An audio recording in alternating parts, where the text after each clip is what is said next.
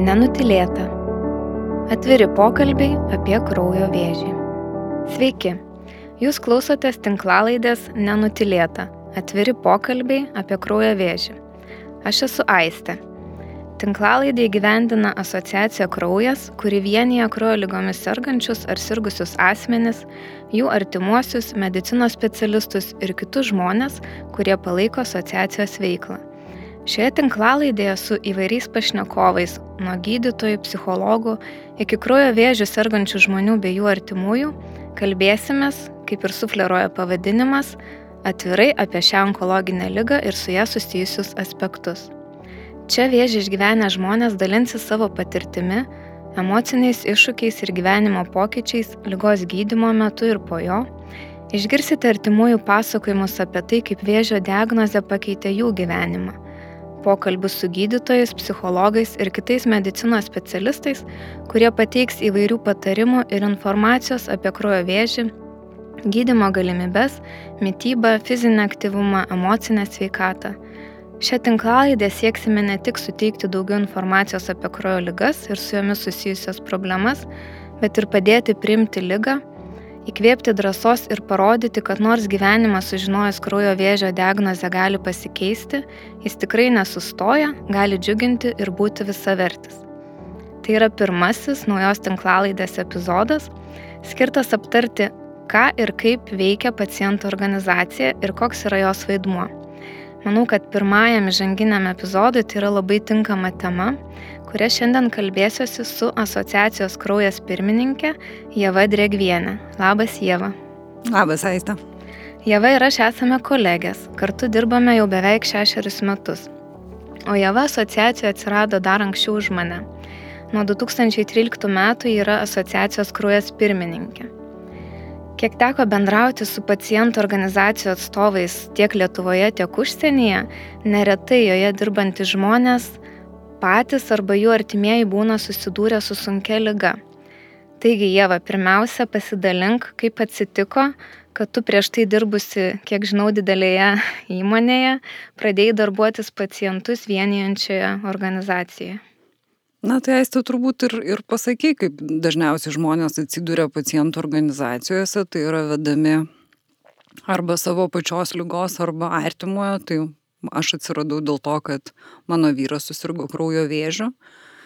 Na ir tas gydimas jisai buvo tos ganėtinai komplikuotas, sudėtingas ir jam prireikė inovatyvių vaistų, kurių teko, na, taip jau ieškoti būdų, kad jie būtų kompensuojami ir prieinami, tai metus laiko ir tikrai dar tada buvusi pirmininkė Dalė Belskytė, tiek ir gydytojai hematologai tikrai dėjo didelės pastangas, kad padėti mūsų šeimai. Na ir mačiau, ką daro vis tik pacientų organizacijos, labai puikiai suvokiau, kad ir patys pacientai ir jų artimieji turi būti aktyvus. Tai kai metus laiko mindžiojam, turbūt taip turėčiau pasakyti, valdiškas, valdiškus koridorius, kad gauti vyrui vaistus. Tai toks pirmas buvo įžangai pacientų organizacijos, na, kaip ir ateimas į veiklą kaip, na, kaip narys, nuo, nuo 13 metų jau atėjau kaip buvau išrinkta kaip ir pirmininkė ir atėjau su, su tom idėjom, kad padėti kitom šeimom, kurios susidurs su tokiam pačiom problemom. Tai tas labiausiai ir vedė, ar ne, noras padėti kitiems, tap, būtent tapti pirmininkė, ar ne, ne tik paprasta nare, nes nariu, iš tikrųjų, užbėgsiu už akių, gali būti žmonės, kurie tiesiog susiduria su lyga ir nu, tapti asociacijos nariu. Tai tas turbūt ir buvo ir turbūt labiausiai, kas vat, paskatino ateiti pacientų organizaciją ir būti labai nu, aktyviu tuo nariu, kuris nu, gali daryti kažkokį tai pokytį. Tai aš labai gerai atsimenu, kada su vyru atėjom pas gydytojus, hematologus ir tiesiog aš sakau, nu, vat, e, kaip ir sveikatos apsaugos ministerija žado kompensuoti vaistą keturiems pacientams. O gydytojo atsakymas buvo, tai pagal ką mes atrinksim tuos keturis pacientus. Ir man tai buvo toks šokas, kad reiškia, na, tai kaip dabar gydytojas rinks pagal grožį, amžių. Ir, ir tada suvokiau, kad, na, vat, turbūt tai yra tai, kad, nu, mano duoklė tai, kad mums pavyko, mums pavyko ne dėl to, kad mums kaip šeimai tai pavyko, dėl to, kad, na, buvo labai didelis palaikymas, kaip ir minėjau, iš tos pačios asociacijos kraujas, prieš tai buvusios pirmininkės, iš gydytojų Ir tas paskatino kažkaip tai padėti, nes, na, jaučiau, kad jau galiu padėti, nes jau buvo praėję gal kokie 3 ar 4 metai, kada aš atsiradau ir kai mano vyras sėkmingai gavo gydimą, kaip ir sveikata jo gerai ir panašiai, tai tas paskatino tiesiog ateiti ir daryti pokytį kitiem, padėti, kas tuo metu yra silpnas. O kaip tau atrodo, ar yra svarbu, kad žmonės, kurie dirba pacientų organizacijose, nebūtinai kraujo lygų, tarkim, bet e, kitose, ar yra svarbu, kad jie turėtų ta, kažkokią patirtį, nu, vat, ar, ar pats būtų sirgęs, ar artimasis, kad turėtų tą tokį prisilietimą prie tos lygos? Patirtis yra svarbu, bet čia, čia, čia, čia, čia yra, vat, nu, čia yra skirtumas turbūt tas, kad aš atėjau iš visiškai tokios statybų sektoriaus, sakykime, ir, na, sakykime, tai nėra, negaliu sakyti, kad tai yra medicina, bet tai yra vis tiek, na, kažkiek tai tenka tikrai susidurti ir su medicinė terminologija, ir straipsnius mokslinius skaityti ir panašiai. Bet čia patirtis yra gyvenimiška, lygos patirtis. Tai tiesiog kaip padėti savo artimajam ir kiekvienas, na, artimas žmogus, nu, kur, kur, kur mato, kad serga mano žmogus. Tai jie visi susiduria su tuo, ta patirtis tokia, kur tu jos, nu, jos negali atsisakyti, nu, tiesiog tai nėra, tu negali rinktis, nu, tiesiog tai yra ta patirtis, kurie ateina. Ir tiesiog iš to savo patirties vėlgi, na, kiekvieno vėlgi, tas yra kitoks pajūtimas tos lygos, kitoks supratimas. Ten vieni žmonės, na, kaip ir pasikliauja gydytojas, laikosi gydimo režimų ir panašiai. Kiti pacientai, matai, kad ten bando kažkokias alternatyvius gydimo būdus taikyti. Treti atsisako gydimo ir panašiai. Tai mūsų buvo ta, tas toksai šeimoje apsisprendimas, kad mes tikrai pasitikim gydytojais, nes, nu, tu turi pasitikėti tai žmonėm, kurie tai puikiai išmano ir tu atsiduodi jų rankas ir tada yra kita dalis, kuri priklauso nuo tavęs. Tai ar gyvenimo būdo kažkoks pakeitimas, ten sveikesnė mytyba, psichologinė pagalba ir panašiai. Ir kada matai, kai tau pavyksta visa tai, tai tada kaip ir supranti, kad tuo gali dalintis ir kitais ir galbūt tas įkvėps kitą žmogų, kuris na dvėjoja, ar ten linktas alternatyvų gydimo būdą, ar pasitikėti gydytojus, arba ten važiuoti gydytis į užsienį, ar ten dar kažkur. Na tai šita patirtis yra tokia, nu kaip, nežinau, neišvengiama, tiesiog tu su ją susiduri ir tu ją turi ir su ją gyveni. Bet ar jinai padeda dirbant su pacientais ar ne, ar, ar tau suteikia, nežinau, bet jeigu, aišku, labai sunku lyginti turbūt, bet jeigu būtų taip susiklostę, kad patenki tokią organizaciją prieš vyro lygą ar ne, ir, nu, galbūt nėra visiškai to, tokio susidūrimo, nežinai, kaip išgyvena, kaip va tada. Ir dabar jau kai turi, ar ne, ir bendrauji su pacientais, tarsi atrodo, kad geriau gali juos suprasti. Tai be abejo, kad geriau, nes kaip ir sakau, ta pat, nie, nie, čia, čia kaip būna, kaip, nu, nežinau, kaip sako, aš labai tave užjaučiu, kad tu tenai, nu, susirgai tokia lyga, aš tave labai suprantu. Nivelnio nesupranti, jeigu tu per tai nepraeini. Tai, vad, turbūt pacientų organizacijos ir tie žmonės, kurie joje yra, tai jie turi tą pačią vienodą patirtį ir jie tikrai gali tarpusavį susikalbėti vienodam lygmenį. Jeigu ateina žmogus, kuris, na, tiesiog nori padėti, nu ir mes matom net ir savo, nu, va, taistė puikiai matai pacientų organizacijų, kad, na, jie siūlo tokius dalykus, kur, nu, pacientams tai yra neaktualu. Viskas yra labai smagu, kad tos iniciatyvos yra ateinančios, bet jiems skauduliai yra visiškai kiti ir jiems reikia visiškai kitokios informacijos, jiems ten nereikia gailėšio, užuojautos, dar kažkos.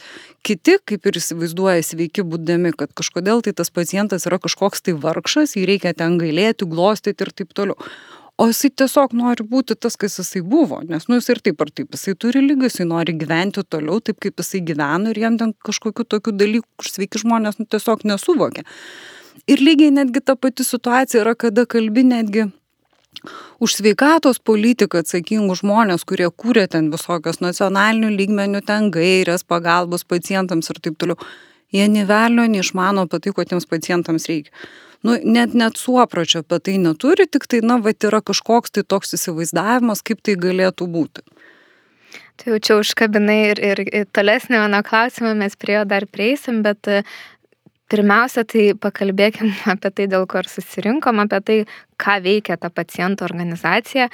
Iš tikrųjų, kai nepažįstamam žmogui pasakau, kad dirbo asociacijai kraujas, Tai tikrai yra labai sunku suprasti, kas tai per įstaiga. Ir tai yra normalu, nes nu, tas pavadinimas tai sufleruoja, ką esu dažniausiai girdėjus, kad na, tai kraujo laboratorija galbūt, arba dar sieja su donorystė. Tai žinau, kad tai yra platus klausimas, bet pabandykim kažkaip padėlioti gal per kažkokias veiklas skirtingas, kągi veikia ta paciento organizacija, ką veikia asociacija kraujas. Tai turbūt vis tiek pasakyčiau, kad esminis dalykas pacientų, bent jau asociacijos kraujas ir kai aš atėjau ir po šiai dienai, manau, kad tai yra svarbiausia - užtikrinti pilnavertį, inovatyvų gydimą pacientams, kad jisai būtų prieinamas. Tai čia vis tiek yra numeris vienas, kaip ten bebūtų, nes ar, ar prieš dešimt metų, ar dabar mes susiturėm su ta pačia problema. Tai jeigu kalbėti apie gydimo prieinamumą, tai čia mes jau turim, taip sakant, įtaką daryti sveikatos politikams ir nešti žinę ten, bet yra ir visa kita tikrai aibė veiklų, kurias daro kraujas, tai yra tiesioginė pagalba žmonėms. Tiesioginė pagalba žmonėms, kurie serga kraujo vėžiu ir jų artimiesiams. Tai yra ir psichologinė pagalba, ir socialinės visokios konsultacijos, ir užsiemimai, ir seminarai, ir edukacija. Tai, tai, tai tikrai yra labai platu ir netgi, na, turbūt įėjus ir mūsų kraujo puslapį, labai dažnai netgi pacientai sako, mes visą informaciją gavom pirmoji vietoje iš jūsų internetinio puslapio. Tai mūsų tikslas yra, kad vėlgi ta informacija būtų parengta gydytojų hematologų, ne šiaip iš kažkur tai išversta ir panašiai, kad jinai būtų patikima, mokslo grista, kad pacientams nereikėtų blaškytis. Tai vad turbūt tokie dalykai ir tada visi kiti projektai, kurie atsiranda šalia, tai yra vėlgi mikštieji socialiniai projektai, kurie vėlgi atrodo, kad tiesiogiai kaip ir įtakos nėra paciento gerovai, bet jeigu žiūri, sakykime, iš, iš tų veiklų, kas yra svarbu, na, vėl ta pati kaulų čiulpų donoro, ne, registras, kad jisai būtų, tai jisai aktualu gydant žmonėms kraujo vėžių, kuriems reikalinga transplantacija, kad Lietuvos kaulų čiulpų donorų registras būtų didelis. Vėlgi, pagalbinis apvaisinimas. Tikrai kraujas dėjo labai didelės pastangas, kad tas įstatymas būtų primtas, atrodo, nu prie ko čia asociacija kraujas ir pagalbinis apvaisinimas. Bet prie to, nes žmonės, kurie jauni susirga kraujo vėžių, vienintelis būdas jiems ateiti susilaukti vaikų, tai yra šaldyti savo lytinės lastelės, kad jie galėtų susilaukti tų vaikų. Ir tai yra apie tai reikia kalbėti. Na, kraujas buvo vėlgi pirma asociacija, kuri pradėjo iš pacientų organizacijų kalbėti apie onkologinę mytybą, pilnavertę, kad tai yra svarbu ir panašiai. Tai visi šitie projektai vėlgi, jie yra atėję iš patirties, iš to, ko trūko, sakykime, prieš dešimt metų na, mūsų šeimo ir tai, ko girdėdavau iš kitų pacientų, ko trūksta, tai nes ligoninė iš gydytojų gauni tikrai nemažai tos informacijos, bet gilesnės jos nėra. Tai kraujas buvo pirmi, kurie išleido knygą, ką valgyti susirgus vėžiu. Kraujas buvo turbūt Europoje patys pirmi, kurie išleido knygą onkologinę lygą sergantiems apie seksualumą kad žmonės, kad žmonės gyventų tikrai pilnavertį gyvenimą. Tai tie projektai atrodo jų yra daug, bet iš esmės tai yra pagalba žmogui, pagalba žmogui sergančiam ir jo artimajam. Ir vi, visa, visa pagalba, kuri reikalinga. Tai jeigu mes kalbam apie teisinės konsultacijas, jeigu mes kalbam, kaip ir sakiau, psichologinę pagalbą, mytybą, seminarai, edukacija, viskas, kas reikalinga žmogui. Ir tikrai labai visą laiką stengiamės atliepti. Jeigu žmonės skambina, sako, kad vieną, antrą kartą girdi, kad tos informacijos trūksta, tai reiškia, tai trūksta plač, plačiajam ratui pacientų. Tai nežinau, Aistė, ar aš išgryninau ir atsakiau. Na, turbūt, e, kai nesi susidūręs ir mažai žinai, tai vis tiek labai sunku suprasti tą e, veiklų apimti, nes nu, ir neįmanoma, čia reikėtų atskiros tinklalaidės turbūt papasakoti iš tikrųjų detaliau apie tos projektus, na, aš manau, bet tokiam bendram įspūdžiui taip. Ir atsakydama į tą klausimą, tu ir pabrėžiai, kad e, didžiausias dėmesys yra skiriamas atstovauti pacientų interesus dėl gydimo, ar ne, dėl gydimo prieinamumo, toks kaip, kaip e, pagrindinis turbūt tikslas. Tai ar galima sakyti, kad tai yra ir e, didžiausias iššūkis Lietuvoje, su kuriuo kruojo vėžių sergantys žmonės susiduria, tas gydimo prieinamumas? Manau, kad taip dėl to, kad Gal taip iš toliau netgi pasakysiu. Jeigu prieš dešimt metų atėjus į asociaciją kraujas, tai tikrai jautėsi tas, kad visuomenėje pasakyti, kad sergu onkologinė lyga vis dar buvo toks stigmatizuotas dalykas. Sakykime, kreiptis psichologinės pagalbos, na irgi ne kiekvienas išdrysdavo, nes atrodydavo, kad, na, jeigu aš jau kreipiuosi psichologinės pagalbos, tai aš jau čia visai silpnas paliegęs ir taip toliau. Tai per tuos dešimt metų labai jaučiu tą tokį, nu, kaip ir teigiamą postumį, kad žmonės nebijo kalbėti, kad aš sergu jie nebijo kreiptis pagalbos, jie drąsiau dalyvauja seminaruose, savitarpio pagalbos grupės ir panašiai, nes nestebim pateistę, kaip ir matai, kad, kad aktyvumas yra pacientų didesnis. Bet kas yra liūdna, kad per dešimt metų, na, praktiškai nepasikeitė visiškai valdininkų atsakingų, sakykime, už gydymo prieinamumo požiūris į onkologinę lygą sergančius pacientus nes tai vis atrodo, kad tai yra labai didelės valstybės išlaidos ir kad jo na, tiesiog neverta išleidinėti, nes na, vis tiek yra manoma, kad na, onkologinė lyga, nu, tai žmogus yra pasmerktas. Mhm. Ir Vis tas, dar, ar ne toks požiūris? Aš manau, kad taip, nes vėlgi teko ir tikrai ne vienoje ir darbo grupėje būti ir panašiai, mes ten labai dažnai kalba apie tai, kad prevencija labai svarbus, sveikas gyvenimo būdas ir Taip, tai yra labai svarbu. O bet tačiau susirga 2, 5, 10, 18, 30 ir amžiaus, taip sakant, kas visiškai gali būti nepriklausomai nuo kaip aš gyvenu sveikai ir panašiai, gali susirgti bet kas. Ir gali atsitikti taip, kad vat, reikės būtent šito vaisto, kuris, na, gali padėti. Ir tada, ką mūsų, taip sakant, visa sveikatos sistema pasiūlys. Pasiūlys rehabilitaciją, pasiūlys paslaugų ten prieinamumą, dar kažką. Tai gydimą, kuris iš esmės ir, nu, toks kaip palaikomasis, bet iš esmės didelio progreso neduos. Bet tai, kas yra reikalinga, mes ir, ir toliau, taip sakant, ar 2008 metais mes kalbėjom apie terapinį efektyvumą, tai ir šiandien mes kalbam apie terapinį efektyvumą ir niekas nesikeičia. Ir turbūt liūdniausia, kad na, 2022 metais mes matom, kad situacija yra blogesnė, aš manyčiau, negu jinai buvo 2020. Oho. Nes pokytis yra tai, kad na, tiesiog jokie inovatyvūs vaistai yra nekompensuojami ir turbūt dar daugiau pasakyčiau, kad žmonės susiduria ne tik, kad inovatyvūs vaistai yra nekompensuojami, na yra tokių, ne, nevardinsiu kažkokių tai vaistų ten dėl, dėl sumetimo, bet yra tikrai tokių vaistų, kur na, sakykime, ypatingai reta lyga ir būklė. Ir tas vaistas nekompensuojamas, jis yra vardinis, žmogus turi pirktis, nes jisai neturi pinigų. Nu tai aišku, šiaip atrodo, kad, na, kas ten 300-500 eurų per mėnesį ir panašiai. Bet žmogui, kuris serga ir ne, neturi pajamų, tai yra milžiniški pinigai. Tuo labiau, kad turbūt ne vieną mėnesį to vaisto gali reikėti. Tikrai taip. Tikrai taip ir, ir, ir kartais būna tikrai mes sulaukiam ir asociacija kraujas perka vaistus tokiems žmonėms dėl to, kad na, jie negali jų įsigyti. Ir tai netgi yra ne tie vaistai, kurie gydo tiesiogiai lygą, bet tiesiog sukeltom komplikacijom kartais yra reikalingas gydimas, kuris irgi yra nekompensuojamas. Ir kaip pasižiūrėti kompleksiškai, pas mus gydytojai šiuo metu negali teikti kažkokių tai siūlymų arba kad vaistai galėtų būti kompensuojami ir panašiai tada tai gali daryti farmacinės kompanijos, farmacijos kompanijos kaip ir teikia tas paraškos, tačiau tos paraškos yra nevertinamos.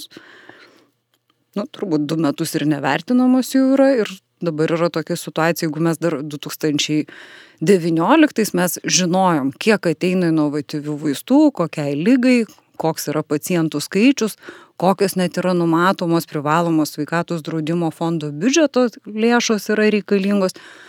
Tai dabar mes tik tai matom, kad yra paraiška, mes matom, kokiai tai yra lygai ir, daugiau, ir matom, kad ta paraiška yra sustojusi ir jinai nevertinama. Ir šių dienų realiai tai yra tai, kad valstybinė vaistų kontrolės tarnyba, kuri yra atsakinga už šitų vaistų vertinimą, tai yra viena jos iš pagrindinių funkcijų, jinai turi tai atlikti, jinai tiesiog to netlieka. Ir dar keiščiau yra, kad Lietuvoje niekas dėl to nekaltas.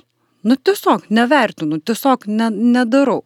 Tai aš, pavyzdžiui, sunkiai įsivaizduoju, kad gali nueiti darbą, tau yra pavestos funkcijos, kurias tu turi, turi privalai vykdyti, už ką tu gauni darbo užmokestį ir tu tiesiog to nedarai. Tiesiog to nedarai. Ir, ir niekas už tai neatsako, nėra jokios nei, nei, nei asmeninės atsakomybės, nei įstaigos vadovo atsakomybės ir turbūt dar toliau sakysiu, nei sveikatos apsaugos ministerijos atsakomybės, nei tos pačios vyriausybės. Tiesiog. Kaip pasakai, tai, na taip atrodo, sustojus procesas, bet kažkur už to proceso yra žmogus, ar ne, kuriam reikia gydimo, vad galbūt, kuris ten kažkur kabo. Ir kaip, atrodo, kaip taip gali būti, kad va, kažkas, ne, nežinau, dėl kokių priežasčių tiesiog nevertina, viskas e, vilkinama, situacija blogesnė, kaip ir minėjai. Tai ką tokiu atveju gali padaryti, nežinau, pacientų organizacija, pacientas, jo artimieji, ar yra kažkokie būdai, ko jie gali imtis, kad ar atkreipti dėmesį, ar tiesiog Tai pacientų organizacija, jinai bando rašyti, kaip bando, jinai rašo, rašome raštus, kreipiamės į Seimo kontrolierių įstaigą, į Seimo sveikatos reikalų komitetą, kreipiamės, kreipiamės į vyriausybę, į sveikatos apsaugos ministeriją. Visur tikrai yra kreiptas ir rašyta, tačiau rezultato mes neturim. Taip mes kalbam garsiai viešai apie tai ir yra, na, sakykime, ar ten radijas, ar televizija, ar ten straipsniai, taip pat mes tai galim daryti. Tačiau nėra visiškai jokio mechanizmo, kad pacientų organizacijos galėtų, na, kreiptis į teismus atstovaujant savo pacientus. Ir čia yra liūdniausia, tai yra liūdniausia, nes kas? Pareiškėjas yra farmacinė kompanija. Kas yra pacientų organizacija ir kas yra pacientas? Na, jisai tame nefigūruoja, jisai yra niekas. Farmacinės kompanijos neįs ir nesipyks turbūt, nu, dėl kažkokių tai priežasčių, man tai sunkiai suprantamų, bet turbūt jiems yra geriau tas žinoma. O pacientų organizacijos yra bedantės, nes tokia sistema yra sukurta. Gali pacientai patys pirktis vaistus ir tada jie galėtų kreiptis į teismą dėl lėšų kompensavimo, sakykim. Bet vėlgi tada kiek pacientų turi galimybę nusipirkti vaistus, kur per mėnesį kainuoja 5000 ir jų gali reikėti pastovi metus, 2-3. Kiek pacientas sergantis onkologinę lygą, jis turi sveikatos tai daryti. Ir tada kaip ir, na ir sukurtas Lietuvoje toks mechanizmas, kad iš esmės pacientų organizacija tik tai gali ant bačkos užlipusi pariekauti, nes nori ten kažkokius tai raštus parašyti o eiti kitų teisinių kelių ir būdų, na kaip ir nėra, nes mes esam net, net, net netrečias asmo. Mes tiesiog atstovaujam pacientų teises, bet kai pasižiūri iš teisinės pusės, nieko negali padaryti šitoje vietoje. Kaip nors labai labai mes tai norėtume daryti. Ir vėlgi tas pats pacientas, jeigu mes paimsim pacientų sveikatai padarytos žalos, sakykime, visą įstatymą, kaip yra numatyta, tai ten kalbama tik tai apie paslaugas. Jeigu, sakykime, žmog, žmogui teikiamos paslaugos asmens sveikatos priežiūros įstaigoje, jam yra padaryta žala ir negali būti atlyginama. Tai mechanizmo, kad valstybė, kuri padaro žalą pacientui nekompensuodama vaistus, būdo nėra. Eiti iš karto į teismą žmogus gali, nes įstatymė tai numatyta, bet kaip ir sakau, žmogus pats, jis neturi sveikatos tai daryti, galbūt artimieji gali tai daryti, bet tam reikia mažo to, kad reikia įsigyti vaistus pinigų, tai dar reikia ir bilinėjimusi, taip sakant, pinigų. Ir pinigų, ir sveikatos. Ko nėra? Dažniausiai. Didžioji dalis to neturi. Ir šitoje vietoje aš manau, kad na, žmonės atsakingi už sveikatos politiką, jie tiesiog naudojasi tokia situacija, žmonių pažeidžiamumu. Tai jau e, ir anksčiau užsiminė ir sakiau, kad sugrįšim prie to klausimo, e, kalbėdama apie tai, kas per tą dešimtmetį pasikeitė ir nepasikeitė. Ir e, vienas iš, iš tų dalykų tai yra, kad taip atrodo, kad nėra įsiklausoma nei paciento organizacijos kažkokius e, komentarus, e, nei paciento mm, interesus, kad e, vis dar nėra vertinama ta žmogaus, mm, na ne tai, kad gyvybė, bet galbūt per tą pusę, kad tas inovatyvus gydimas yra investicija į žmogaus sveikatą. Tai turbūt Aš tai netgi pasakyčiau taip, kad, na, pacientų, vad kas pasikeitė, nu pasikeitė, kad taip, pacientų organizacijos dalyvauja įvairiose darbo grupėse sveikatos apsaugos ministerijai. Bet kiek girdimas pacientų atstovų, sakykime, balsas tose darbo grupėse. Tai jeigu mes kalbėsim apie vaistus ir, sakykime, siūlymus, ką reikėtų keisti, tai turbūt su dabartinė, sakykime, sveikatos apsaugos ministerija, tai pacientų balsas iš viso jisai neegzistuojantis yra. Tiesiog gali kalbėti ir tiesiog labai paprastai teiki siūlymą, o gal atsakymas mes tarpusavį viduje pasitarėm, mums jūsų siūlymas nepriimtinas ir daugiau jokių argumentų. Bet jie kviečiasi pacientų organizacijos. Be abejo, jie kviečiasi, jie kviečiasi. Ir nesiklauso. Bet, ir nesiklauso.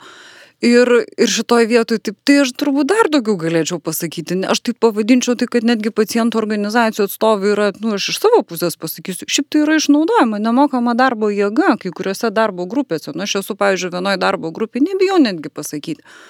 Tai aš turiu vertinti paslaugą, kriterijus, skaityti mokslinis straipsnius ir pateikti.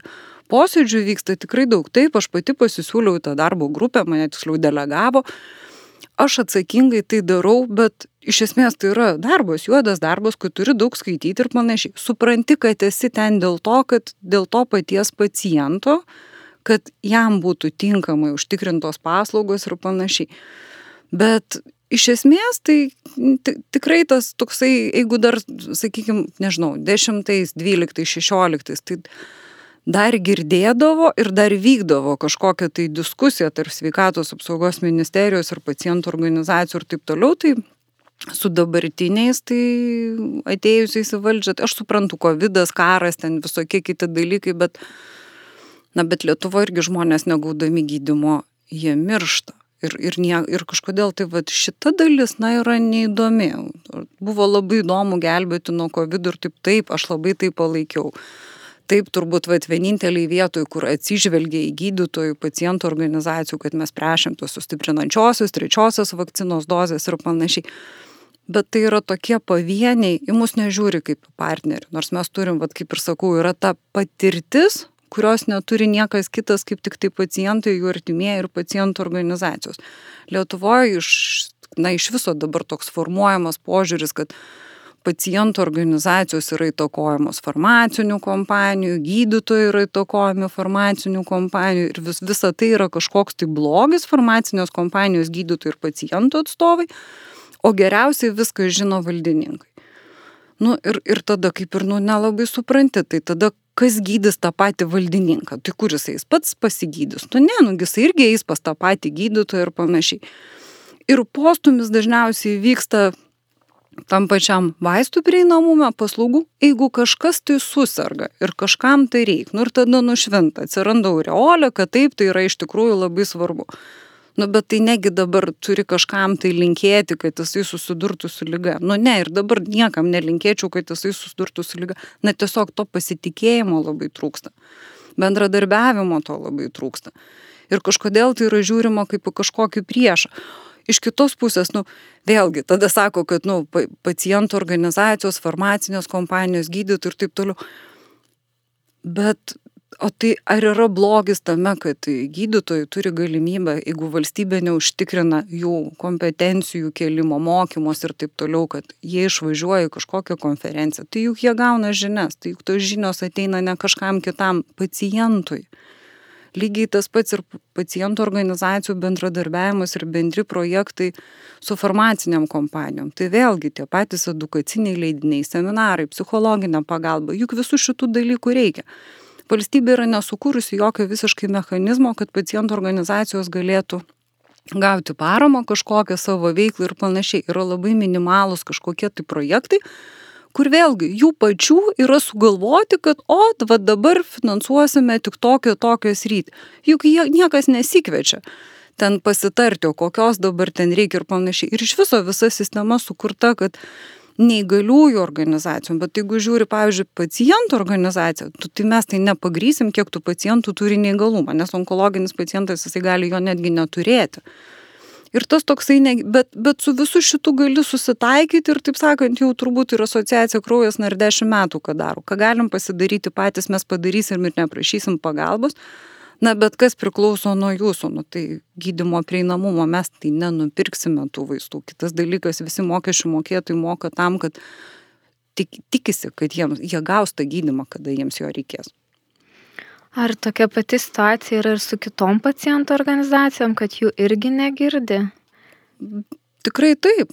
Manau, kad taip, nes na, mes tarpusavio pacientų organizacijos tikrai kalbamės ir dabar iš viso toks įdomus, unikalus dalykas yra, kad mm, susiburkite į skėtinės organizacijas tam, kad būtų lengviau kalbėtis. Bet kažkodėl tai nepagalvojama, kad kiekviena pacientų organizacija kelia savo tikslus. Ir kodėl yra bijoma kalbėti, kaip per daug darbo, su kuo kalbėti ar kaip yra na, toks keistas požiūris ir toks netgi, netgi prievartinis burtis į kažkokius tai skiečius ir tada mes čia bendrausim su skiečiu. Nu, tai čia tada kaip išeina, kad lengviau susitart su vienu ar su, su dviem žmonėmis negu su didžiaja. O turėtų būti kalbama su kuo plačiau kalbėsiu, tuo geresnį rezultatą turėsiu. Tai šito, šito nėra supratimo. O kaip tau atrodo vis tiek turi nu, didelę patirtį iš toje srityje?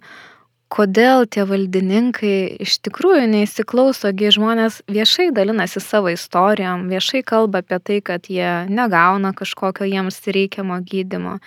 Ir netgi yra tokių skaudžių istorijų, kur miršta žmonės. Ir, ir tikrai apie tai yra rašoma. Bet vis tiek toks atrodo, paskaičiau, nu, bet ir neįdomu, kaip turi minėjai, kol nesusirga kažkas galbūt iš artimųjų, iš jų rato, tiesiog jiems keliami kiti tikslai. Žmonės ateina į darbą, nu, tai dabar daugelį darbovietų yra metiniai tikslai. Nu, tai dabar paimkime, sakykime, tas pačias ten ligonių kasas kokias, ne? Nu, tai jų tikslas, ne, už tą turi biudžetą, suvaldyti tą biudžetą. Ir, ir viskas, tai yra tam tikras kapšas pinigų, kurį reikia suvaldyti. Ir dabar tame kapšio pinigų reikia rasti inovatyviems vaistams. Nu, taigi reikia galvoti. Tai sukuriu tokius įstatymus, įsakymus, kad, kad kuo labiau padaryti sudėtingesnį kompensavimą, nes tikslas yra apsaugoti pinigus. Viskas, čia, čia viskas yra labai, tiesiog jie turi kitus tikslus. Jiems nekeliamas tikslas taip sakant, gydytojų keliamas tikslas, ne, kad padėti žmogui. Nu, tai plamai Hipokrato priesaika ir gydytojo tikslas yra gelbėti gyvybės. Tai pacientų organizacijų tikslas yra padėti pacientams, kom galima. Ne. Jų tikslas yra kitas. Jų, jie visiškai žiūri į kitą pusę, bet jeigu jie galvotų iš tos pusės, kad, na va, yra inovatyvūs vaistai, nu ten nežinau, 30, 40 tų vaistų ir taip toliau, ir yra žmonių grupė Ir jeigu jie susėstų visi kartu ir pagalvotų, o ką reikia padaryti, kad šitiem žmonėm padėti, aš manau, kad sprendimai atsirastų, nu kaip ir atsiranda, nežinau, su COVID, su karu ir su visu kitu. Kai tu nori tai daryti, tai tu padarai. Noro nėra, tikslo nėra tokio. Nes jiems keliami kiti tikslai. Ir tokio kūrybiškesnio požiūrio norėtųsi, ar ne, nu, kad nebūtų viskas taip biurokratiškai spausta, va, matau lentelę su skaičiais, čia ir baigėsi, ar ne, mano tai, tai, galvojimas. Tai, tikrai taip, nes pas juos, nu taip ir yra, nes jie, nu kaip, nu natūralu, yra įstatymai, yra įsakymai, yra postatyminiai visi teisės aktai ir jie jais vadovaujasi. Na ir jie kartais netgi sako, nu jo, čia kaip ir nelogiška ir taip toliau, būtų galima kažką tai pakeisti ten ir panašiai. Nu bet tada kaip čia pakeisti, nu tai čia ten vyriausybės nutarimas, nu tai čia ministro įsakymas, tai čia tada derinti reikės, tai tas labai laikiau užtrunka. Ir jie patys supranta, kad tai taip laikiau užtrunka ir jie nieko nedaro tiesiog arba daro, nu kaip va, paskui, paskutinis, juok, turbūt juokingiausia darbo grupė, kokia tik galėjo būti. Vat būtent apie kompensuojamus vaistus sudaryti. Darbo grupė, nežinau, turbūt 14 mėnesių be rezultatų. Kablelius sudėliojom. Sudėliojom kablelius. Ar pakeistas ministro įsakymas duos pridėtinę vertę, kad inovatyvus vaistai lengviau bus kompensuojami? Ne. Tiesiog sudėliojo kablelius kitaip. Žodžius patikslino dar kažką rezultatas yra toks. Bet jeigu būtų, kad mes keičiam ministro įsakymą ir ten įstatymą su tikslu, kad bus pridėtinė nauda ir mes matysime, bet tiek pacientų, kurie gavo gydimą, turi šansą, na sakykime, kartais onkologinė lyga nepasveikti, bet turėti dar kokybiškus gyvenimo metus, 2, 3, 4, kol ateis kitas inovatyvus vaistas, situaciją turėtume kitokią. Liūdna net klausytis iš tikrųjų kai kurių tokių niuansų. Aš galvoju, mm, kaip tau pačiai yra, kadangi žinau daug ir užkulisių e, ir iš to, ką pasakoju, tikrai turbūt gali susidaryti įspūdis, kad e, darbo reikia dėti daug ir kartais tos pastangos gali atrodyti visiškai tokios beprasmės, ar ne, nu, bet kai negirdi, tai kaip, nežinau, kas tave paskatina, įkvepia nenuleisti tų rankų ir, ir vat, toliau eiti, siekti, daryti, rašyti raštus, kreiptis į žiniasklaidą. Nes yra žmonės, kuriems vis dar reikia gydimo. Nes vienas žmogus nesulaukęs gydimo numiršta, bet į jo vietą ateina kitas žmogus. Ir aš jau turbūt, jeigu mokyklai buvau sprintininkė, tai dabar aš jau maratonininkė pasidariau. Ir tikrai kartais tenka laukti to rezultato ir 3 ir 4 metus. Bet kai sulauki po tų keturių metų, tai tu supranti, kad tu tai neveltui darai. Ir ypatingai tas jaučiasi, kai nu, dabar mes neturim gyvų konferencijų su pacientais. Bet pavyzdžiui, kai matai, kad tas žmogus laukia gydymo, jisai gavo ir jis ateina po dviejų metų į mūsų konferenciją ir atsiveda savo ten dukrą ar sūnų ir panašiai, nu tai supranti, dėl ko tai darai. Tai, tai vienintelis tas tik tai ir laiko. Nes atvirai pasakysiu, ne vieną kartą jau norėjau tikrai užtrenkti duris ir išeiti, bet tai tada, tai jeigu mes visi užtrenksime duris, tai aš nieko nesiskirsiu nuo to valdininko, kuris, nu, kuriam tiesiog nerūpi, jisai turi savo pareigybinius kažkokius tai tikslus, ten saugoti biudžetą, laikytis įstatymų, įsakymų ir visokių kitokių dalykų.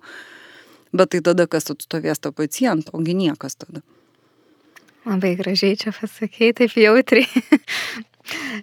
Gerai, dar e, norėjau užkabinti tą aspektą apie farmacininkus, farmacinės kompanijas ir tai, kad iš tikrųjų žmonės kažkaip labai taip e, nu, laiko tai blogybė ir tu apie tai užsiminė. Ir, ir aš buvau irgi apie tai galvojęs prieš pokalbį, kad e, juk daugybė gražių ir naudingų projektų ir mūsų asociacijoje atsiranda dėl to, kad, na, nėra čia ko slėpti, mes gaunam paramą kur ir galim daryti dalykus, ar ne? Tai kodėl žmonės taip, nu, va taip kažkaip e, vertina kaip tarsi neigiamą dalyką, juk tai nėra, mes nereklamuojam vaistų, ar ne? Tikrai kažkaip ne. neskatini ten naudoti, bet tiesiog bendradarbiavimo principu būtent bandai atliepti to paciento poreikius. Jeigu reikia, nežinau, leidinio, ar ne, gali išleisti leidinį, va, suorganizuoti konferenciją kažkokią, dar kažką. Tai šitoje vietoje, na, na pas mus tikrai, tikrai yra iškreiptas, vai, nu, kaip aplamai tas toksai informacinės kompanijos ir turbūt labai atkreipčiau dėmesį turbūt inovatyves etinės kompanijos, nekalbu apie generikus, kur manau, kad irgi visų pirma taip, tai yra verslas. Iš žmogaus pusės žiūrint, tai yra jautrus verslas, nes nu, tai yra kuriami vaistai, kurie gali kainuoti labai daug yra labai mažai suvokimo visuomenės, ogi ką reiškia sukurti tą vaistą ir kiek kainuoja, kad iš šimto kuriamų vaistų bus tik tai vienas, investicijos yra milžiniškos. Bet kažkodėl tai mes nežiūrim į statybų verslą kaip į kažkokį tai blogį, ne? Nu, nėra visuomeniai tokio, nes tai yra mhm. suprantama, kad tai yra verslas ir kad ten yra ankainiai kažkokie ir taip toliau. Tai farmacinėse kompanijose irgi yra viskas tas, bet farmacinės kompanijos, nu tai kaip ir sakiau, tai yra jautru žmogus negauna gydymo, jisai mato, kiek tie vaistai kainuoja ir tada žmogui atrodo, kad ta farmacinė kompanija, nu, lupikauja. Bet reikia suprasti, ta farmacinė kompanija milžiniškas lėšas investavo į tą vaistą. Ir vaisto kaina labai dažnai priklauso nuo to, kokiam ratui pacientų tai bus. Nu, tai jeigu mes sukursim vaisto, kur, kur populiacija, sakykime, ten, nežinau, 20 tūkstančių pacientų ir mes sukursim ypatingai retai lygai vaistą, investicijos turbūt panašios, tai per kainą tas sugrįžta. Tai pas mus nėra to tokio, nu, kaip ir supratimo, kad tai yra verslas pirmoje vietoje ir Antras dalykas tai yra socialiai atsakingas verslas. Jie investuoja. Jie investuoja į tuos pačius pacientus, pacientų edukaciją ir panašiai, vad ką kraujas daro. Ne? jie investuoja į gydytojų kvalifikaciją. Jie investuoja, netgi net neinvestuoja, skiria paramą, turbūt taip reikėtų mhm. sakyti, ne investicija šitoje vietoje parama. Tai jie lygiai taip pat skiria paramą ir kitokiems socialiniams projektams, na tokiems, na kaip ir pavyzdžiui, kaulų čiulpų donorystė. O ką tai bendra turi su kažkokiu vaistu? Ogi nieko neturi bendro su kažkokiu tai vaistu. Bet yra kažkodėl tai, va, na, išskiriamasi tai, kad jūs ten na žiūrėkit, kiek ten išleido, ten buvo netgi ir STT paskelbta informacija, ten kuri kompanija iš inovatyvių gavo daugiausiai ten biudžeto lėšų ir taip toliau. Na tai atsidarykime tada, nežinau, statybas kokias nors ir pasižiūrėkime, bet kokie, kokį kitą verslą. Bet kokį kitą. Mhm. Tai yra, nu tai tiesiog yra, bet, bet manau tas požiūris yra dėl to, kad, na, tai yra skusminga, nes tai yra, na, tai yra sveikata. Mhm. Ir dar turbūt nu, norėčiau iš toje vietoje pasakyti, kad vėlgi tai yra ne tie vaistai, tai nėra kažkokie tai papildai, kur tu pacientui gali paskirti šiaip savo, arba gydytojas paskir šiaip savo. Šiaip tai labai liūdna buvo girdėti ir klausytis, kada buvo kalbama, kad daroma įtaka pacientams, gydytojams ir taip toliau. Nu, aš atsiprašau, kuris čia sveiko proto žmogus norės gerti šiaip savo vaistus nuo onkologinės lygos. Nu, tai yra protų nesuvokiama. Čia lygiai taip pat kaip aš atsimenu prieš tai buvusioje vyriausybėje, kai labai gerai atsimenu įstatymas, kad tėvai, kurių vaikai serga onkologinė lyga, kad galėtų iki metų turėti nedarbingumą ir slaugyti savo vaikus. Tai vienas iš ministrų sakė, tai tėvai piknaudžiaus. Nu tai reikia protų turėti aplamai pasakyti, ką reiškia tėvai piknaudžiaus. Tėvai linkės, kad jų vaikas susirgtų onkologinę lygą. Nu tai čia lygiai tas pats. Tai ką gydytojas šiaip sau sugalvos paskirti gydimą nuo onkologinės lygos arba sugalvos diagnozę. Tai tas yra toksai, nu, bet, bet visas tas atsiranda iš to, kad neišmano, nežino ir neturi patirties ir nesusidūrė. Ir tada atsiranda kažkokie baubai, tik pinigų kažkokių tai matymas ir nieko daugiau. Ir, ir nėra to tokio supratimo, kad tas etinis vaistas, jisai neturi pakei, pakeičiamumo. Praeis mhm. dešimt metų atsiras generikai, bet ateis kiti. Ir reikia tam ruoštis, reikia galvoti, iš kur tas lėšas gauti, kad investuoti. Tai yra investicija į žmogaus sveikatą. Dar kit, kitas toksai irgi kažkiek galbūt susijęs dalykas mm, apie tai, ko asociacija kraujas nedaro. Tai čia aš vedu prie to, kad e, asociacija kraujas neskiria gydimą, ne, nežinau, ne, nepasakys turbūt, kurį vaistą vartoti. Gali tik informuoti, ar ne, apie gydimo galimybės, apie kažkokias veiklas, patarti, nukreipti, bet negali nes tikrai yra sulaukiama tokių mm, kreipimusi, važiuokit, čia pas mane yra nukreipimas nuo, nuo kraujo rodiklių, pakonsultuokit. Tai šito viso juk ir negali daryti asociacija kraujas, na, pacientų organizacija ir tikrai nedaro. Tai ką tu gali apie, apie tai papasakoti? O, tai tikrai nedaro, tikrai nekonsultuojam, kas susijęs su gydymu nei pačios kraujo lygos, nei kažkokių tai tyrimų konsultacijos ir nedarom jokių seminarų susijusių su alternatyve kažkokia tai medicina. Nu, pavyzdžiui, ta pati mytyba, ne, na dabar yra antiek madingos dietistai, mytybos specialistai ir kas tik tai nori ten. Tai kraujas laikosi to, kad tai, kas yra mokslų grista medicina, tai tik tokia informacija ir teikiama. Tai nėra, nėra kažkokių tai ten sėkmės istorijų nuo grybų vartojimo, papildų ar ten dar kažkokių tai dalykų. Tai kraujas nereklamuoja vaistų, nereklamuoja papildų, ne, ne, nekomentuoja kraujo tyrimų.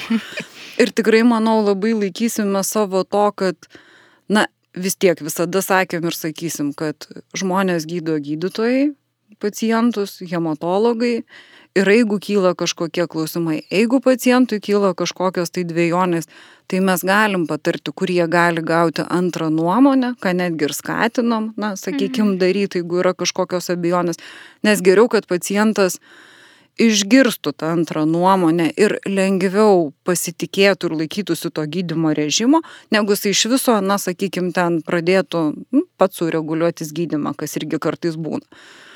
Tai yra tų veiklų, kur manau, kad nedarėm, nedarysim ir manau turbūt tas mūsų išskirtinumas tame ir yra, kad na vis tik tai, kas yra tikrai efektyvu ir reikalinga žmogui. Nekartą turbūt ir tau yra tekę susidurti ir man su tokia gana pasipiktinusią pacientų poziciją, kad asociacija krūjas privalo jiems kažką padaryti. Na, tarkim apmokėti viešbučio išlaidas arba nupirkti vaistą ir nu, tikrai tai yra kartais daroma, tam tikrais atvejais ir tu minėjai, bet kur yra ta riba tarp privalo ir gali padėti. Nes žmonių, vat ir e, vakar sulaukiau skambučio, kur žmogus iš pradžių norėjo susisiekti su pacientais, kad jį pakonsultuotų dėl mytybos. Kai aš jam paaiškinau, kad reikėtų kreiptis ne į pacientus, o į gydytoją dietologą ir na, gali nukreipti šeimos gydytojas, tai jis tuomet pradėjo reikalauti, kad aš jį užregistruočiau pas, na, tokį žolininką. Ir kai aš jam bandžiau paaiškinti, kad mes to nedarom ir nelabai rekomenduojam ir kad reiktų tarti su gydytoju, tiesiog sunkiai suprato ir sako, o tai ką jūs iš viso darot? tai vad, kur yra ta riba iš tikrųjų? Tai riba yra tiesiog asociacijos galimybėse. Jeigu mes galim tuo metu nupirkti tuos vaistus, tai mes nuperkame. Bet viskas lygiai taip pat kaip ir bet kokioj asociacijoje, įmonėje ar kažkur, viskas priklauso nuo to, kiek mes disponuojame tų lėšų ir kiek mes galime skirti. Tai Bet tikrai neprivaloma, aš, aš apie tai turbūt labiau noriu, kad... Ne, ne, ne, čia tikrai mhm. yra ne, ne, neprivaloma, nes nu, net, tikr, tai tikrai yra neprivaloma, tik tai tiek, kad iš žmogiškos pusės mes stengiamės kuo labiau aplie, at, atliepti tuos vadimus poreikius. Ir tokio dalyko kaip asociacijai, kad kažką tai mes privalom, na taip mes privalom atsiskaityti valdybai, tikrųjų narių susirinkimui, suderinti, veikti pagal įstatus ir ten, na, kaip ir viskas yra parašyta pakankamai, ką mes turim daryti bet tokios tai prievolės turbūt nėra nei vienoj pacientų organizacijoje. Tai aš kaip asociacijos pirmininkė aš atsiskaitau valdybai, valdyba atsiskaito tikriesiams nariams, tai tas, na, kaip yra tokia. Ir numatytas ir mechanizmas, kaip pati asociacija iš savęs jinai valdo ir atskaitomybė yra, tai jinai, ir kai mes klausiu, ar tu turi vadovus, nu, be abejo, aš turiu, nes yra valdyba. Yra tikrieji nariai, kur turi atsiskaityti ir panašiai už savo veiklą. Ir jeigu tu ateisi metų pabaigoje ir sakysi, kad nu, kad aš, nie, aš nieko neprivalau daryti, nu, tai turbūt ir bus, tai, tai yra turbūt vėlgi valdyba iškelia tikslus ir tuos tikslus nu, turi įgyvendinti, bet tokio dalyko kaip privalai, sakykime, ten nupirkti vaistus arba ten užregistruoti ir panašiai. Ne, bet jeigu tikrai būna kartais na, sudėtinga tikrai situacija po žmogų, na, sakykime, vienišas žmogus neturi pajamų, jos yra labai mažos ir tikrai žinai visą tą situaciją, kokia yra, na tai tada ieškai būdų, kaip padėti ir dažniausiai randi tos būdus. Bet tai gali būti ne per dieną, ne per dvi, jeigu taip galėtum ir iškart padarytum, tai taip padarai. Vėlgi, kiekvieną kartą žiūri su tais pačiais vaistais, tai jeigu mes pasakysim, kad mes dabar na, visiems pacientams nupirksim nekompensuojamus vaistus, nu, mes tiesiog ne, neišgalėsim to padaryti ir tada vėlgi, o kaip atrinkti tą pacientą, kuriam tu gali nupirkti tuos vaistus ir kuriam tu negali nupirkti. Nes poreikis didelis. Šiemet asociacija Kraujas minės savo veiklos 20-metį. Tai tavo vertinimu pacientų organizacijai tas 20 metų daug ar, ar tik kelio pradžia? Lietuvoje manau, kad yra daug, tikrai daug iš tų 20 metų, aš beveik 10 metų esu čia. Tai tikrai, na, nu, na daug, nes, nes aš, pavyzdžiui, negaliu vertinti iki mano ateimo, bet aš galiu turbūt labiausiai vertinti tą pokytį per dešimt metų, kiek aš čia esu. Tai kaip ir pradžioje minėjau, kad, na, pasikeitė labai visuomenės požiūris, darbdavių požiūris, aplamai žmonių sergančių onkologinę lygą. Mes jau kalbam apie tai, kad tai yra lėtinė lyga, kad žmonės gali gyventi per navertį gyvenimą, kurti šeimas, auginti vaikus ir taip toliau mes matom, kad žmonės mažiau stigmatizuoti ir ne, nebijo kalbėti, kad man reikia psichologinės pagalbos ar dar kažkokios man pagalbos reikia, nebijo žmonės tarpusavį dalinti savo, sakykime, ten tą istoriją ir panašiai. Matom, kad bėgant tą ilgąjį maratoną pavyksta pasiekti kai kurių, na, nu, iš tikrųjų gra, gra, gražių dalykų, vad kaip ir paminėjau, kad vaikai, kurie serga, tie, tie vaikai, tėvai, kurių vaikai serga onkologinė lyga, kad jie turi galimybę slaugyti tuos vaikus. Turim puikų įstatymą pagalbinio apvaisinimo, kuris, na, dabar jau iš viso yra ištaisytas ir, sakykime, na, kaip ir jau toks, kuris atliepia tas šeimas, bet tai liečia ir tas pačias onkologinę lygą sergančius, ypatingai jaunus žmonės. Mes tikrai turim didėjantį kaulų čiulpų donorų registrą, kas džiugina. Tai, tai iš vienos pusės, na, gal sakyčiau, gal pilnamečiais patapom tokiais jau subranda per tuos visus metus, nes iš tikrųjų, na, manau, kad tas kraujas per tuos 20 metų jisai tikrai labai keitėsi. Keitėsi, kad turbūt jeigu pradžioj tai buvo, na, nukreipta labai į tokią pradžioj tyliai kalbėta, kad reikalinga psichologinė pagalba, mažiukai kažkokie seminarai ir ta, na, ta veikla jinai lipdėsi. Ir turbūt labiausiai jinai lipdėsi, na, vad būtent padedant pacientui, girdint, ko jam reikia ir tada vėlgi inicijuojant. Ir turbūt kitas ypatingai svarbus dalykas, ką turėčiau pasakyti, kodėl kraujas, aš manau, kad yra stiprus, tai yra bendradarbiavimas su gydytojais. Yra visiškas pasitikėjimas ir jų, ir mūsų, ir tai yra kaip vis tik bendra komanda. Nes vis tik kai kurios pacientų organizacijos, vat, matai, kodėl, na, sunkiau iš tikrųjų sekasi, nes nėra to bendro matymo, bendro tikslo padėti žmogui. Tai aš kaip ir iš savo pusės ir iš asmeninės galiu, na, iš tikrųjų, gydytojai, hematologai, santoros klinikose, kitose, jie daro stebuklus. Nu, tai yra protų nesuvokama, ką jie sugeba padaryti. Ir jie daro daugiau, negu jiems priklausytų daryti. Jie iš tikrųjų, jie ieško būdų, jeigu vaistai yra neprieinami, jie ieško, kreipiasi, nukreipia pacientus į tą pačią asociaciją, jeigu reikia apgyvendinimo paslaugos, pavėžėjimo paslaugos, dar kažkokios, tai ta pati savanorystė atsiradusi. Tai vat tas bendradarbiavimas su gydytojais hematologais, tai jisai ir, ir davė tai, kad, na, kraujas jisai toksai užaugęs. Aš, aš netgi manau, kad jie mus netgi ir padėjo mums užaukti ir pasiekti tą, ką mes pasiekėme. Iš kitos pusės jiem irgi turbūt, jie galbūt mato tą vertę, kurią sukuria e, asociacija kraujas ir kai žmogus gali rasti informaciją, kur žinoma jie padeda sukurti, sakykime, bet e, vis tiek jie turi kur nukreipti tą žmogų ir psichologinės pagalbos, ar ne, ir į kažkokius e, tarpusavio grupės užsiemimus. Tai jie irgi turbūt, aš taip manau, kad mato tą didžiulę kuriamą naudą jų pacientai. Tikrai taip, bet Aistė turbūt sutiksi, kad ne visi gydytojai tai padaro, žinodami netgi, kur yra nukreipti. Taip, ir, yra ir, tas žmogiškasis taip, faktas. Yra, tai, tai pavyzdžiui, vat, nu, kaip ir sakau, jie nukreipia, nes jie žino, kad tuo žmogumi bus pasirūpinta ir yra turbūt toks tylusis netgi susitarimas. Jų rūpestis yra gydyti, mūsų rūpestis visi minkštieji dalykai, kurie reikalingi žmogui na tiesiog yra, bet, bet jie labai ir prisideda prie tų kitų dalykų. Vėlgi, gydytojai veda seminarus, ruošia edukacinę medžiagą ir panašiai. Ir pergyvena dėl tų pačių pacientų, jų, nežinau, tos pačios sąlygų, į kokias jie grįžta gyventi namuose ir sako, kad tam žmogui reikės namuose kažkokios pagalbos ir panašiai. Tai tas toksai, nu, turbūt abipusius supratimas, kam yra reikalinga paciento organizacija iš gydytojų pusės ir mūsų, turbūt, nežinau, begalinė pagarba ir pasitikėjimas jiems ir noras jiems padėti, kad jie daugiau laiko skirtų pacientui.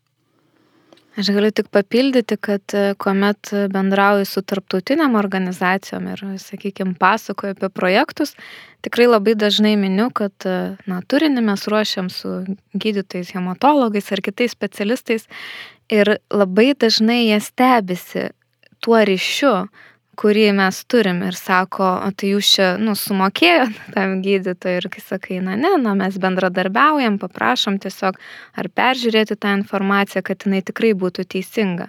Nerašyti galbūt ten nuo iki, bet, nu, prisidėti kiek jie gali. Ir jie visą laiką taip suklūsta toj vietoje ir matai, kad tikrai ne visur taip yra ir kad e, tai yra, kaip ir sakai, ta stiprioji pusė ir galimybė teikti žmonėm patikrintą informaciją. Tas irgi labai yra svarbu. Taip, labai svarbu, aš netgi labai gerai atsimenu, kaip gydytojai, kai mes surengėm savo pirmą konferenciją kraujo diena, ir jinai buvo skirta šeimos daktarams ir po to kita dalis buvo skirta pacientams. Ir tikrai daug žmonių susirinko apie virš šimto pacientų, tie ir jie klausėsi paskaitas, nu, vad būtent apie kraujo lygas, jų gydymą ir panašiai. Ir po pusės metų labai gerai atsimenu, kaip gydytojai hematologai sakė, mums yra daug lengviau, nes mes vienu metu daug informacijos pateikėm pacientams, atsakėm į klausimus visus ir jiems kyla mažiau klausimų. Tai reiškia, gydytojas mažiau turi gaišti kiekvienam atskirai aiškindamas iš esmės tą patį, o gali jau tik atsakyti tam tikrus specifinius klausimus, kuriuos liečia tik tai tą pacientą. Tai jie, jie labai tą dalyką irgi puikiai pajuto. Kitas turbūt yra labai svarbus dalykas, kad jie puikiai gydytojai žino, kad labai daug kas priklauso nuo to, kaip pacientas laikosi gydimo režimo.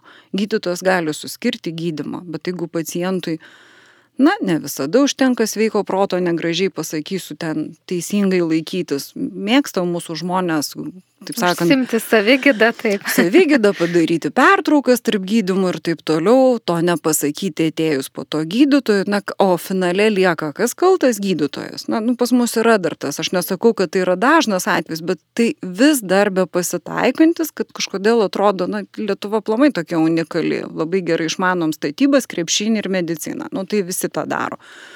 Dar, va, ką aš irgi minėjau, kad mėgsta savo padėti, bet nesuderinę su tuo pagrindiniu savo gydytoju, tai kaip ir kalbėjom, žolelės kažkokios mytyba, kur nežinodamas tu gali pakengti. Oi, tai tas, tas, tas labai, labai iš tikrųjų yra dažnas. Ir ten nu, tai yra dažnas toks dalykas, kad, na kiek aš galiu, aš jau tris metus geriu tos pačius vaistus, tai dabar pasidarysiu pertrauką nuo vaistų. Arba ten vartoju, nežinau, ir žmogui yra skiriama chemoterapija, ne, o jisai šalia vartoja imuninę sistemą skatinančius kažkokius tai preparatus. Nu, tai yra, nu, protų du, du dalykai, kurie tarpusavį nesuderinami, tai yra nutylima gydytojui nepasakoma, kai jau gydytojai mato, na, kad kažkas tai, vat, na, kaip pavyzdys. Tris pacientai gydomi pagal tą patį protokolą, dviem pacientams, na, kaip ir viskas eina taip, kaip turi būti, bet vienam pacientui kažkas kitaip. Na, gydytos klausia, nu, tai vienaip, kitaip, tai kas kitaip. Tai paskui paaiškėja, kad kažkokie žoliniai preparatai, dar kažkas ir ten ir panašiai.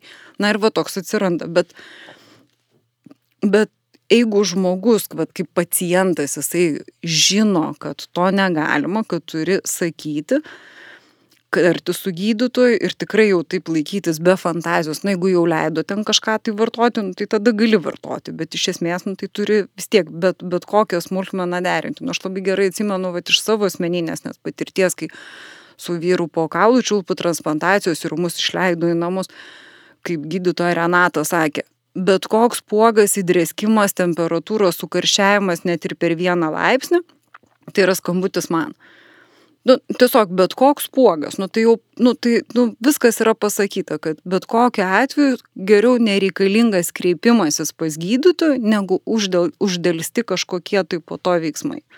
Tai mes be fantazijos ten, kaip aš sakau, su durnais klausimais tikrai kreipdavausi. Čia turbūt galima taip apibendrintai pasakyti, kad pacientas ir gydytojas turi bendradarbiauti, ką dažnai ir pabrėžiam, ar ne, per konferencijas, komanda. taip, kad komanda. jie turi būti komanda taip. tam gydimo kelyje, ar ne? Taip, taip. O jeigu reikės tą komandą ir mes įsijungsim. Tik kas susiję ne su gydymu tiesiogiai. taip. Ar yra kažkoks projektas ar veikla, kurio tau norėtųsi pasidalint, kuris, nežinau, galbūt buvo sunkiausias per, per tą laiką, ar įdomiausias, ar labiausiai džiuginantis, nu, vat, kažkas, kas pirmas šauna į galvą. Tai turbūt labiausiai džiaugiausi tikrai pagalbinio apvaisinimo įstatymu, kur buvo labai sunku, nu, tikrai sunku ir tai kaip priėmė tą įstatymą, tai, nu, nes jisai tikrai toks buvo, nu, lab, mano bent jau ir, ir, ir, ir tavo aistė, puikiai atsimeni turbūt, kiek reikėjo dėti pastangų ir turbūt šitas buvo toks labai įsimintinas. O iš tokių, kur labiausiai džiaugiausi, tai labiausiai visada džiaugiuosi, kad inovatyvus vaistai pradedami kompensuoti. Nu, tai, yra, nu, tai yra kažkas tai. Nes tada tu matai tos žmonės, su kurias tu šneki, tu matai tos žmonės, nu, jų, jų veidus, jų tą džiugėsi, skambučiai netgi, kad va pagaliau ir panašiai. Bet lygiai taip pat šitoj vietoje ir skauda tada, kai netenkam savo narių pacientų. Pavėluotai gauti vaistai ir, ir tas istorijos puikiai žinom, tai jos čia yra kaip viena pusė, kai labai džiaugiesi, bet iš kitos pusės tuo metu netgi ir paliudi truputį dėl to, kad žinai visus, kurie nesulaukia to gydimo. Tai tas toks džiaugsmas būna Bet tai yra normalu, nes. Nu, Neista, tai yra nenormalu. Normalu, kad tu taip jautiesi, aš turiu. Kad aš jaučiuosi taip, bet tas yra nenormalu. Tas nenormalu, kad, nu, supranti, kad laikų gautas gydimas ir jisai tikrai gali nepadėti, tai tada galbūt, nu, taip jau supranti, kad na, ir, ir medicina ne visa gali. Na, bet ten, kur kažkas priklauso nuo kitų žmonių ir kai tas ateina pavėluotai, tai yra pikta, skaudu ir tada netgi tas džiugesys, kad kažkas gaus, užgožia tai, kad, na, tau skauda, ko tu netekai. Nes skauda dėl tų žmonių. Ir skauda gal net, net dėl tų žmonių, dėl jų artimųjų. Nes taip neturėtų būti. Taip neturėtų. Tai gerai, gal pabaigai galim apibendrinti ir apibriežti tą vieną iš, kuo pradėjom pokalbį, koks šiandien yra tas pacientų organizacijos vaidmuo. Iš viso to, vad, ką ir tu papasakojai, ir iš visos patirties. Padėti ir suteikti, ko pacientui tuo metu reikia. Tiesiog. Nes kiekvienas pacientas yra unikalus. Mes galim susisteminti, kalbėti reikia vieno, kito, trečio, ketvirto, bet atsiras vienas unikalus pacientas, kuriam reikės visiškai kitokios pagalbos ir tiesiog pasižiūrėti į jį individualiai. Tai tiesiog ne pacientų grupė, o vienas žmogus, kuriam reikia pagalbos ir priklausomai kokios pagalbos reikia, jam tokią pagalbą ir suteikti. Tai vad tai ir yra pacientų organizacija. Puikiai. Tai ačiū Jeva už pokalbį, buvo įdomu truputį kitokio ir aplinkoje ir, ir um, kitokiam formate kalbėtis. Ačiū visiems, kurie klausėtės pirmojo epizodo. Labai tikiuosi, kad jis padėjo geriau suprasti, kokia yra pacientų organizacijos funkcija, kokią naudą jos kuria su lyga susidūrusiems žmonėms ir kokių tikslų siekia. Jeigu šis pokalbis jums pasirodė įdomus, pasidalinkite juos su kitais savo socialinėme tinkle. O kitame epizode kalbėsiuosi su psichologe apie tai, kokia yra kelionė su lyga, kas yra jos pakeleiviai ir kas padeda gyti. Daugiau informacijos tiek apie asociacijos kraujas veiklą, tiek apie tinklalaidę bei visus jos epizodus galite visuomet rasti interneto puslapyje kraujas.lt arba mūsų socialinio tinklo paskyroje. Iki kito karto.